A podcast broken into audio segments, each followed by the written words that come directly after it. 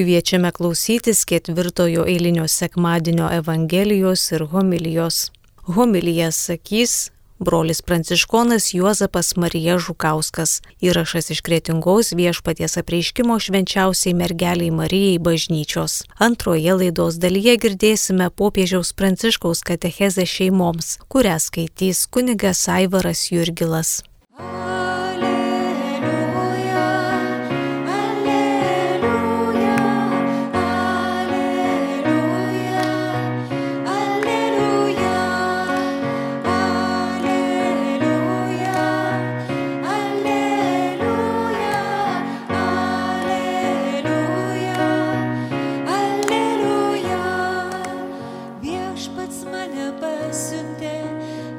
nešti gerosios naujienos, vargdieniams skelbti belaisvės, išvada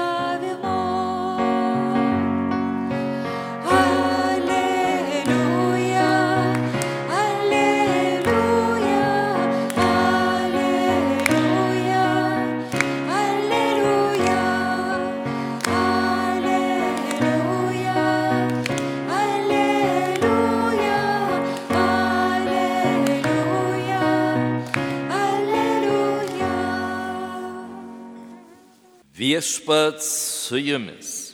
Pasiklausykite Šventojios Evangelijos pagal Luką. Jėzus pradėjo kalbėti Nazareto sinagogoje. Šiandien įsipildė, ką tik jūsų girdėti rašto žodžiai.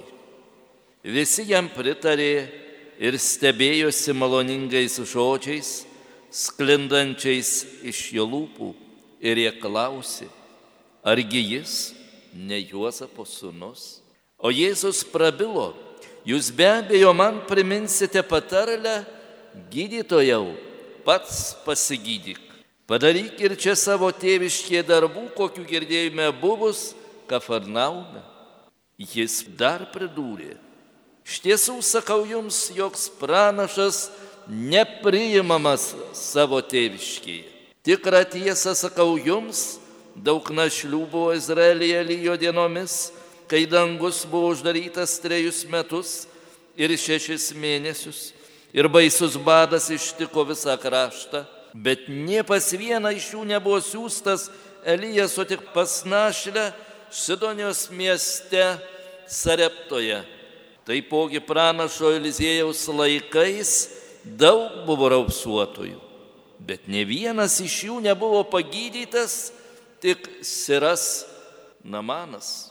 Tai išgirdę visi, kurie buvo sinagogoje, labai užsirūstino, jie pakilę įsivarė iš miesto iki pakriūtės kalno, ant kurio pastatytas jų miestas ir norėjo nustumti jį žemyn. Bet Jėzus praėjo tarp jų ir pasišalino ir dėjote viešpaties žodį. Šiandien skaitiniai prasideda pranašo Jeremijo žodžiais, kur Dievas pranaša guodžia ir sako, padarysiu tave sutvirtintų miestų, geležinių stulpų ir varinę sieną prieš judėjos karalius, didžiūnus ir visą to krašto liaudį. Šties pranašo Jeremijo laikais visą kraštą buvo apėmęs nerimas. Karai ir gandas apie karus sklido tarp žmonių ir žmonės bijojo, sakydami, kasgi mūsų laukia. Ar atsilaikysim prieš visas tas galybės, kurios prieš mus yra sukilę. Ir Dievas sako, nebijok, aš tave sustiprinsiu. Sustiprinsiu tave ne dėl tavo nuopelnų, bet dėl begalinės meilės, kurią tave pamilau dar tau prieš gimstant, dar esant tau motinos iščias. Panašiai, panašios nuotaikos šiandien sklinda ir mūsų krašte, mūsų kaimynuose, kada girdime gandus apie karus, kada žmonės yra įsibaiminę, sakydami, kasgi mūsų laukia ir kasgi su mumis atsitiks. Ir mums taip pat reikalingi tie viešpaties paguodo žodžiai, nebijok, aš tave sustiprinsiu, aš tave padarysiu galingą sieną. Ir iš ties pirmoji ir stipriausia gynybos linija prasideda žmogaus širdyje. Jeigu žmogaus širdis yra stipri ir pilna vilties bei Dievo meilės, niekas jam nebaisu.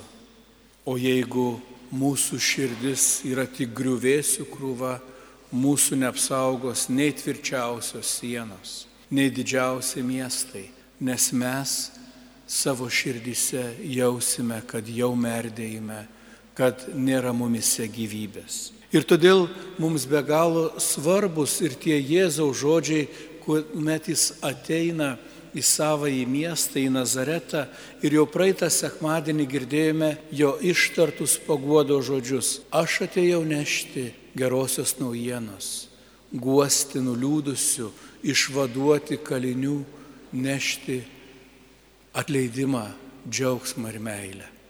Ir girdime, kaip šiandien žmonės sureaguoja į tuos Jėzaus žodžius, sakydami, maloningi tie žodžiai, pilni paguodos ir vilties.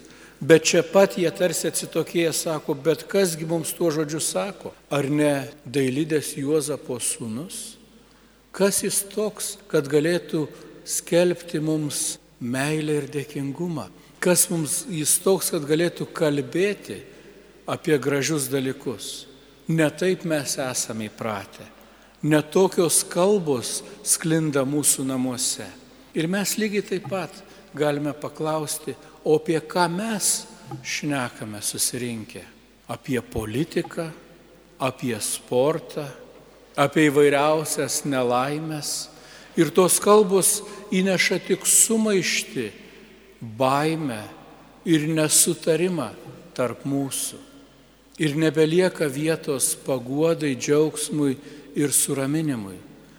Ir kas blogiausia, kad mes net nebenorime būti paguosti ir suraminti, panašiai kaip ir Nazareto žmonės pasipiktina tuo, kad Jėzus jiems kalba apie meilę, apie brolystę ir sutarimą. Jie išvaro jį iš savo miesto, nori net nustumti nuo pakriūtės, kad amžiams jį užtildyti. Ar ir mes kartais nevejam šalin raminančių ir paguodo žodžių. Ir keista, kodėlgi taip. Štai vaikai, jie yra pasiruošę išgirsti apie meilę. Jie trokšta girdėti, kad tėvai juos myli ir jais rūpinasi. Ir mes patys, kuomet pradedame ypatingai svarbius gyvenimo momentus. Štai mūsų antrasis skaitinys apaštalo Pauliaus laiškos korintiečiams, tas garsus himnas meiliai tikriausiai skamba kiekvienų vestuvių metu. Ir su tuoktiniai su viltimi ir tikėjimu vienas kitam sako tuos meilio žodžius. Tai kasgi atsitinka, kad mes nebesakome tų žodžių, kas atsitinka, kad net nebenorime jų girdėti. Galbūt sužeidimai, nusivylimai, išdavystės yra taip sužeidę mūsų širdis, kad mes jau užsirakiname savyje ir sakome, daugiau niekuo nepasitikėsiu, nieko artyn neprisileisiu, kad nedaug Dieve vėl nebūčiau užduotas, kad vėl nebūčiau sužeistas. O šiandien tie žodžiai vėl skamba iš naujo ir iš naujo. Ir juos tarė jau nebe žmogus žmogui, bet Dievas žmogui, sakydamas, aš tave pamilau amžiną meilę. Ir mano meilė yra maloninga, nesididžiuojant ir neišpuikstant. Ji užmirštanti visą, kas buvo bloga ir su pasitikėjimu laukianti, kol sugrįž mano mylimieji. Ir neveltui šie skaitiniai užbaigiami dieviškomis darybėmis - tikėjimu, viltimi ir meilė. Ir čia Dievas išpažįsta savo tikėjimą žmogumi. Žmogumi, kuris jį nekartą išdavė, paliko ir nusisuko. Viešpat sako, aš tave vis tiek myliu, aš vis tiek tavim tikiu. Ir aš išlaikau viltį, kad vieną dieną mes vėl susitiksime. Tad šiandien aš kviečiu, nenuvilkime savo Dievo, atgręžkime į savo veidą ir nors ir kartais nusivylę, kartais praradę tikėjimą, vis tik kelkime akis ir Dievę ištarkime, žinai, kad tave myliu. Taip kaip yra paštalas Petras, kuris išsigynęs Jėzų svarbiausiais momentais, kada jisai buvo suimtas, kuris buvo pabėgęs, išvykęs nukryžiuotą į mokytoją, paklaustas Jėzaus, ar myli mane, atsako, viešpatie, tu viską žinai, žinai, kad aš tave myliu. Taip ir mes. Šiandien Dievui, o taip pat ir grįžę į savo namus.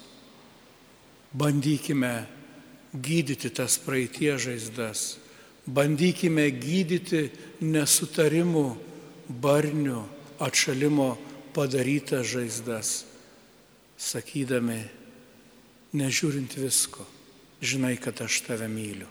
Bandykime eiti į priekį kartu. Ir jeigu pritrūksta šiandien meilės, tikėjimo ir vilties, prašykime iš Dievo, nes tai jo dovanos mums. Mes jų negalime išsireikalauti, negalime išprašyti, bet galime priimti. Galime leisti Dievo meiliai, Dievo tikėjimui ir Dievo vilčiai iš naujo užgimti mūsų širdise ir skleistis mūsų šeimose. Ir visa tai, kad mūsų pačių džiaugsmui nieko netrūktų, kad mes ištikus vargams ir sunkumams galėtume vienas kito laikytis, vienas kitame atrasti sustiprinimą ir paguodą. Viešpats atėjo, kad mes turėtume gyvenimą, kad mūsų gyvenimui, mūsų džiaugsmui ir mūsų vilčiai nieko netrūktų. Ir šiandien, jeigu jaučiamės vieniši, silpni ir suklupę, ateikime prie viešpaties altoriaus, stiprinkime šventąją komuniją, leiskime Dievo jėgai, Dievo meiliai, Dievo tikėjimui ir Dievo vilčiai mus pakelti ir lydėti šiandien, rytoj, per visą savaitę ir per ateinančias mūsų gyvenimo dienas.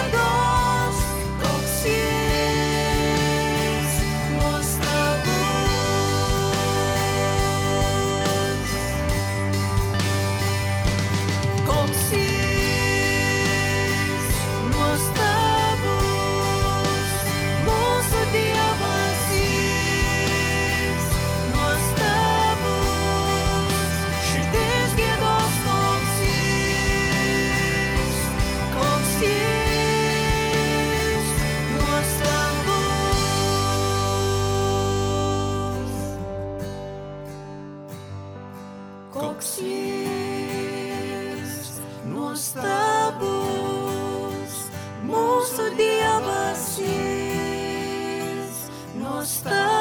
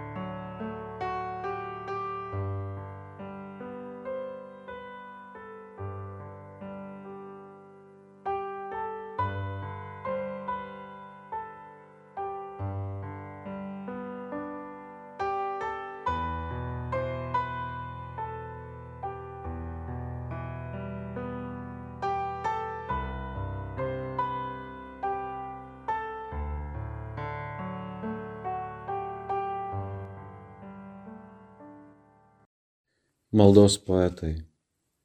Šiandien katechezėje toliau svarstome apie senelius, apmastydami jų vaidmens šeimoje vertę bei reikšmę. Tai darau tapatindamasi su jais, nes pats priklausau šiai amžiaus grupiai. Kai buvau Filipinuose, filipiniečiai mane sveikino žodžiais Liolio Kiko, tai reiškia senelį Pranciškau. Jie man sakė Liolio Kiko. Svarbu pabrėžti pirmą dalyką. Tiesa, kad visuomenė yra linkusi mus nušalinti, tačiau ne viešpats. Viešpats mūsų niekuomet nenušalina. Jis mus kviečia jį sekti kiekviename gyvenimo tarpsnyje, o senatvė taip pat apima malonę ir misiją, tikrą pašaukimą iš viešpaties. Senatvė yra pašaukimas.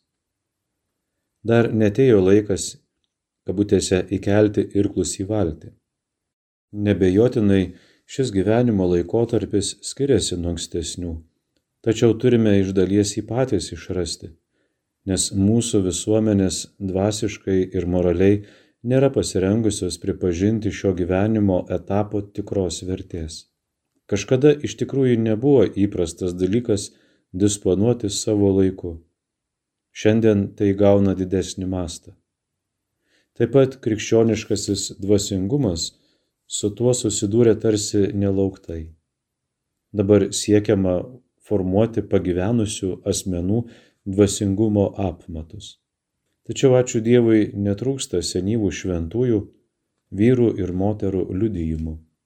Man didelį įspūdį padarė pernai šioje Švento Petro aikštėje minėta senelių diena. Aikštė buvo pilna žmonių.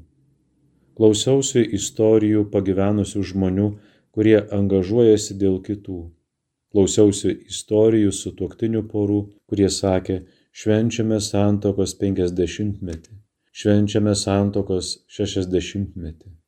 Svarbu tai parodyti jauniems, kurie greitai pavarksta. Vyresnių žmonių ištikimybės liudijimas yra svarbus. O šioje aikštėje tą dieną jų buvo labai daug. Ta apmąstymą reikia tęsti tiek bažnyčios, tiek pilietinės visuomenės aplinkoje. Evangelija mums siūlo gražų įvaizdį, kuris jaudina ir stiprina. Tai Simeono ir Onos figūros, apie kurias pasakoja Jėzaus vaikystės Evangelija, surašyta Švento Luko.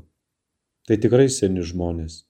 Simeonas buvo veikiausiai senyvas taip pat pranašė Ona, sulaukusi 84 metų. Ta moteris neslėpė savo amžiaus. Evangelija pasakoja, kad jie kasdien labai ištikimai laukia Dievo ateimo daug metų. Labai troško išvysti tą dieną, išvelgti ženklus, pajusti pradžią. Galbūt jie buvo ir šiek tiek susitaikę su mintimi, kad teks numirti to nesulaukus.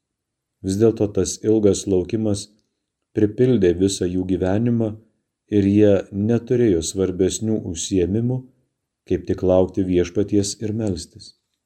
Tačiau kai Marija su Juozapu atvyko į šventyklą įvykdyti įstatymo reikalavimo, Simeonas ir Ona tuoj pat sujudo įkvėpti šventosios dvasios. palyginti Luko Evangelijos antros skyrius 27 eilutė. Per vieną akimirką išnyko amžiaus ir laukimo našta. Jie atpažino kūdikį ir atrado naujų jėgų naujai užduočiai - dėkoti už šį Dievo ženklą ir liudyti apie jį. Simeonas spontaniškai gėdojo džiaugsmo himną. Palyginti Luko Evangelijos antras skyrius nuo 29 iki 30 eilutės. Tuo metu jis tapo poetu, o Ona pirmąją Jėzaus kelbėją. Kalbėjo apie kūdikį visiems, kurie laukia Jeruzalės išvadavimo. Luko Evangelijos antras skyrius 38 eilutė. Brangus seneliai, brangus pagyvenę žmonės, sekime šių ypatingų senolių pėdomis. Ir mes tapkime šiek tiek maldos poetais. Skonėkime ieškodami savo žodžių, savinkime tuos, kurių mus moko Dievo žodis. Senelių ir pagyvenusių žmonių malda yra didelė dovana bažnyčiai. Senelių ir pagyvenusių žmonių malda yra dovana bažnyčiai tai turtas. Tai taip pat didelė išminties injekcija visai žmonių visuomeniai.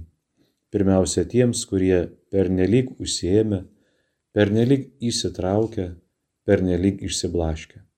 Vis dėlto, kas nors turi taip pat už juos šlovinti, gėdoti apie Dievo ženklus, skelbti Dievo ženklus, melstis už juos. Pažvelkime į Benediktą XVI, kuris nutarė praleisti paskutinį savo gyvenimo laikotarpį melzdamasis ir klausydamasis Dievo. Tai gražu. Didis praėjusio amžiaus tikintysis Olivier Klementas, priklausęs ortodoksų tradicijai, sakė, civilizacija, kurioje žmonės nesimeldžia, yra civilizacija, kurioje senatvė nebeturi prasmės. Tai baisu. Pirmiausia, mums reikia besimeldžiančių senų žmonių, nes senatvė tą mums duodama. Mums reikia besimeldžiančių senų žmonių, nes senatvė mums duota būtent dėl to. Senų žmonių malda yra gražus dalykas. Galime dėkoti viešpačiai už gautas geradarybės ir užpildyti jį su pančia nedėkingumo bedugne. Galime maldoje užtarti naujų kartų lūkesčius ir oriai atminti praeities kartų aukas. Galime priminti ambicingiems jaunuoliams, kad gyvenimas be meilės yra bedvasis. Nerimastingiems jaunuoliams galime sakyti, jog ateities baime įveikiama. Galime mokyti jaunuolius, pernelyg įsimylėjusius save pačius, kad daugiau džiaugsmo teikia davimas nei gavimas seneliai ir močiutės sudaro nuolatinį kabutėse chorą didžiulėje dvasinėje šventovėje, kur maldavimai ir šlovės giesmės paremia bendruomenę, besidarbuojančią ir kovojančią gyvenimo laukia. Galiausiai malda nepaliaujamai tyrina širdį. Dievo šlovinimas ir maldavimas apsaugo širdį, kad ji nesukėtėtų dėl neapykantos ir egoizmo. Koks bjaurus yra cinizmas seno žmogaus, praradusio savo liudijimo prasme, niekinančio jaunuosius ir neperteikiančio išminties. O koks gražus yra pastiprinimas, kurį senasis gali teikti jaunajam, ieškančiam tikėjimo ir gyvenimo prasmės. Tai iš tikrųjų yra senelių misija, senų žmonių pašaukimas Senelių žodžiai yra ypatingas dalykas jauniesiems. Ir jie tai žino. Žodžius, kuriuos man užrašė ir įteikė močiutė kunigystės šventimų dieną, tebesinešioju. Jie visuomet mano brevijoriuje, dažnai juos skaitau ir man gera. Kaip norėčiau, kad bažnyčia mestų iššūkį atmetimo kultūrai su didžiuliu džiaugsmu, naujai apsikabinant jauniesiems su senaisiais. To aš šiandien ir prašau viešpaties, to apsikabinimo. Šioje laidoje girdėjome ketvirtojo eilinio sekmadienio Evangeliją ir homiliją. Homilyje sakė pranciškonas brolis Juozapas Marija Žukauskas iš kretingos viešpaties apreiškimo švenčiausiai mergeliai Marijai bažnyčios. Antroje laidos dalyje girdėjome popiežiaus pranciškaus katechezę šeimoms, kurią skaitė kunigas Aivaras Jurgilas.